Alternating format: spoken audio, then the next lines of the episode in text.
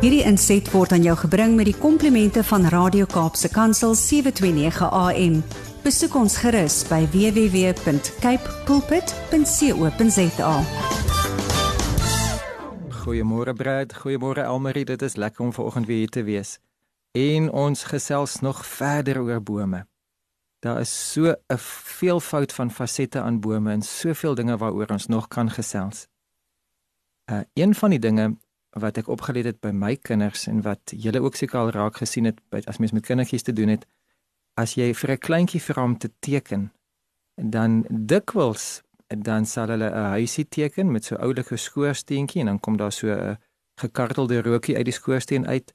Daar's 'n klein venstertjie, daar's 'n deur en dan baie kere dan langs die huisie is daar ook 'n boom. Uh die boom is of so 'n denneboom met sulke driehoekies. Ek kan onthou toe ek 'n jong lad was, het was daar 'n boek gewees wat vir ons geleer het hoe om eenvoudig te teken. En uh, net so as 'n kant aantekening, ek het al die hulp nodig wat 'n mens kan kry. Ek het boeke nodig wat vir mense leer om te teken, net om stokmannetjies te kan teken. Ek het ongelukkig die minimum kunsttalent. Maar dan as daai boek het vir ons geleer dat as jy 'n denneboom wil teken, dan gebruik jy sulke driehoeke, dan lyk dit soos 'n soos 'n denneboom. So regte egte kersboom. Maar baie keer dan het 'n kind nie 'n denneboom geteken nie, maar sommer 'n lekker loweryke boom met 'n klomp blare en dan gebruik jy daai groen kruit of daai groen potlood en maak jy sulke krullerige kartels. Dit lyk amper soos 'n perm wat jy daar so teken. Uh, ek het dieselfde tegniek gebruik vir wolke. My wolke was grys, my bome was groen en dan moet mens maar net onderskei wat is nou bome en wat is nou 'n wolk. As jy dan nou regtig nog 'n bietjie tyd oor het, en jou boetie of jou klasmaatjie het vir jou die rooi of oranje potlood uh, geleen, dan kon jy sulke ronde kringe inteken. Dan was dit nou uh, dalk 'n appelkoesboom of 'n geelperskeboom of as jy rooi gebruik het, dan was dit dikwels 'n appelboom. So lekker krullerige ronde kringe en dan klein ronde uh, krullerige ronde groen krulle vir die boom met die bruin stam natuurlik onder toe en dan so 'n bietjie grassies by die stam om te wys waar hy in die grond ingaan en dan die, die rooi kringetjies is die appels, lekker rooi appels. Dink maar net terug aan uh, enige fliek waarin die die juffrou se wit broodjie vir 'n um, 'n rooi appel bring, dan is dit so 'n appel met so 'n mooi rooi wange. Jy kry daar maar mooi sappige appels. Somstyds is 'n appel bietjie teleurstellend, dan is hy meelerig of hy's bietjie gekneus of hy's bietjie droog of hy's nie so sappig nie maar mens kry daarom heerlike appels. Nou, as mens so 'n appelboom in die helfte deursny, dan kry jy natuurlik die pitte binne-in. En uh, die wonder van voortplanting en die Engelse mooi woord daarvoor is propagation van 'n appelboom is dat in daardie pit is daar opgesluit die hele potensiaal vir 'n hele volgende appelboord. Nie net 'n enkele uh, appel wat een appel bring maak nie net een appel nie, een appel kan 'n boom laat tot stand kom en daai boom kan 'n hele boer tot stand tot laat kom. Jy kan eintlik 'n hele boerdery verder vat as jy net een put het en daai put is vrugbaar en jy daai put reg uh, gekweek en die boom mooi versorg. Die wonder van potensiaal binne in sy saad. Dit is dit is net regtig so 'n wonder. Nou as 'n mens teruggaan na die Afrikaanse idioom die appel val nie ver van die boom af nie.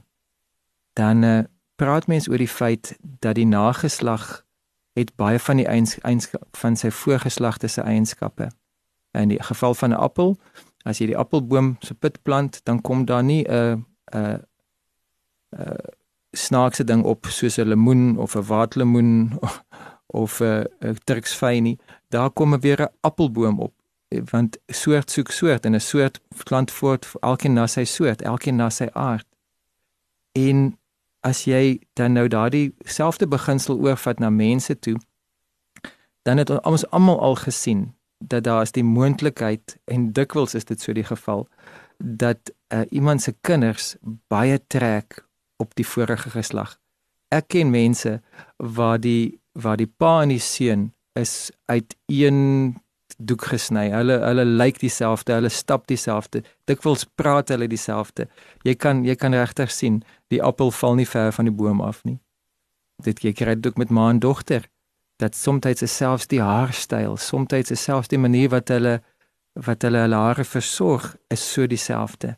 Die manier wat hulle self handhaaf die manier wat hulle praat, die manier wat hulle loop.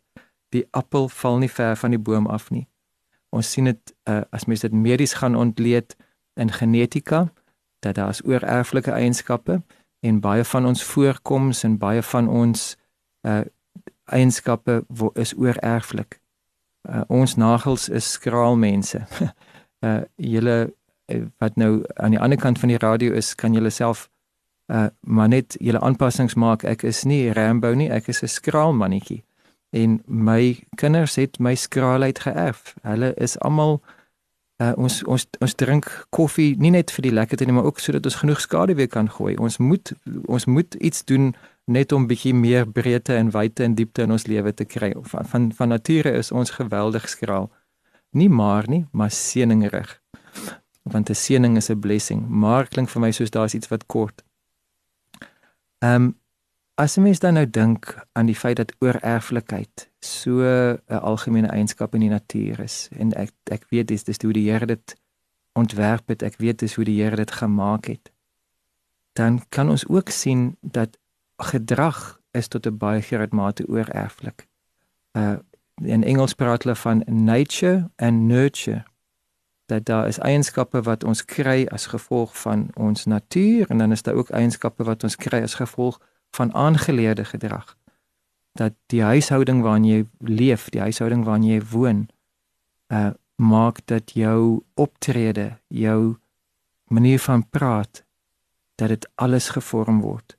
Mens kan praat oor die feit dat 'n kind wat in Appington groot word, uh praat Afrikaans op 'n sekere manier, kenmerkende Afrikaans.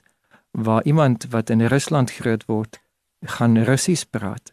En, en dit is dit kom net deel daarvan is net dat hy is omring deur daai kultuur, hy is omring deur die nurture van Russiese mense. Om terug te kom by die appelboom. In die 18de eeu, so word daar vertel, was daar 'n jong man gewees met die naam van Isaac, uh, Isaac Newton. En na na na vertelling het hy onder 'n boom gesit en ek weet nie of die appel van die boom afgeval het lank en of die appel dalk geval het op sy kop of presies wat gebeur het nie of hy maar net gestaar het na die appel en gewonder het wat hom laat val. Maar daar word vertel dat die hele gedagtegang van Isaac Newton oor die appel wat aan die tak hang en dan afgaan grond toe, het sy hele verwondering met swaartekrag begin. Het sy hele gedagtegang begin wat later gelei het na die feit dat hy al wat 'n 'n basiese fundamentele wet in die wetenskap rondom gravitasie, al daai beginsels het hy in plek gesit. Isaac Newton se laws of gravity het begin by 'n boom, by 'n appelboom en die feit dat die appel nie ver van die boom afval nie. Daai appel het nie met 'n boog getrek en toe 'n dosyne tree verder uh, in die erf langs aan geland nie. Daai boom het die kortste reguitpad grond toe gevat en dit het vir Isaac laat begin dink aan die feit dat voorwerpe mekaar aantrek. Swaartekrag. Ons kan lank nog praat oor nature, ons kan lank nog praat oor nurture. Ons sou baie lank nog kon praat oor die die wonderlike karakter Isaac Newton wat tot 'n groot mate erkenning gegee het aan die feit dat daar 'n skepper is, dat hierdie wette nie net onpersoonlik is nie en dat daai skepper persoonlik betrokke is by sy skepping maar ek wil van wegtrek of wegskuif van die natuur en van die wetenskap en ek wil met jou hart praat. Ek wil vir jou vra, lewe jy vanuit Adam se natuur of lewe jy vanuit die laaste Adam se natuur? Adam wat die eerste mens is wat geskep is, is ons almal se natuurlike voorvader. Ons almal kan ons herkoms terugtrek na die feit dat God vir Adam en Eva geskep het. Adam die eerste pa, Eva die eerste ma. Ons almal is agter agter agter kleinkinders van Adam en Eva. Ons het ons gefalle natuur by hulle gekry, ons het ons menslikheid by hulle gekry. Maar Jesus word in 1 Korintiërs 15 vers 45 die laaste Adam genoem.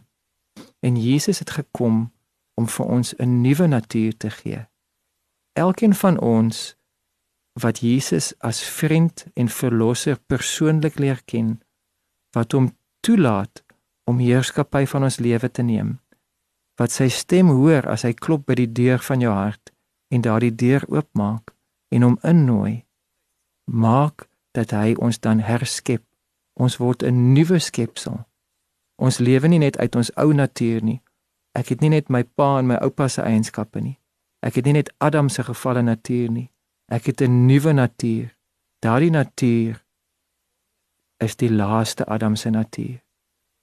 En my vraag aan myself, my vraag aan elkeen wat vanoggend luister is: Lewe jy net uit jou gewone menslike natuur of lewe jy uit die feit dat jy 'n nuwe natuur het? Is die nuwe natuur 'n werklikheid vir jou? Kom ek lees vir ons 1 Korintiërs 15 vers 45.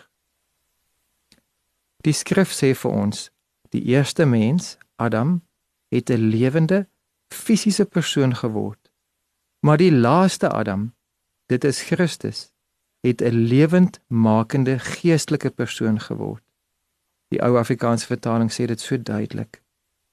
1 Korintiërs 15:45. So is daar ook geskrywe: Die eerste mens, Adam, het 'n lewende siel geword.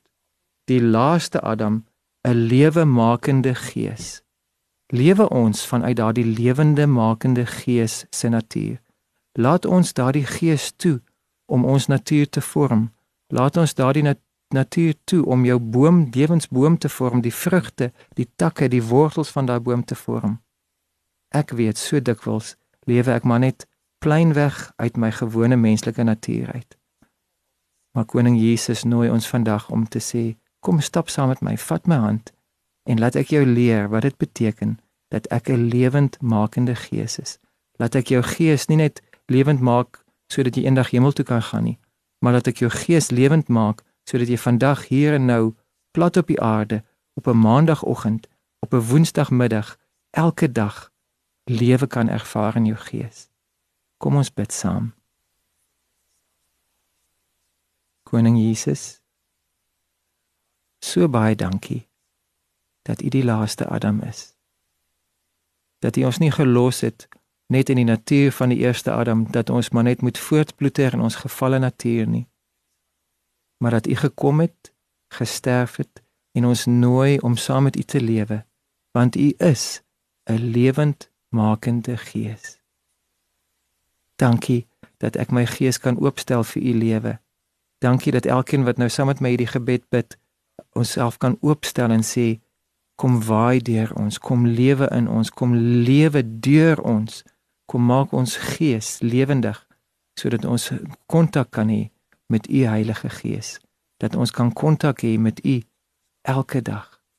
Dankie koning Jesus vir die nuwe natuur en dat ek daarin kan loop sodat die ek as ek sê die appel val nie ver van die boom af nie, dat U die boom sal wees en dat ek sal sê ek wil nie ver van U af lewe nie. Dankie Jesus. Amen. Hierdie inset was aan jou gebring met die komplimente van Radio Kaapse Kansel 729 AM. Besoek ons gerus by www.cape pulpit.co.za.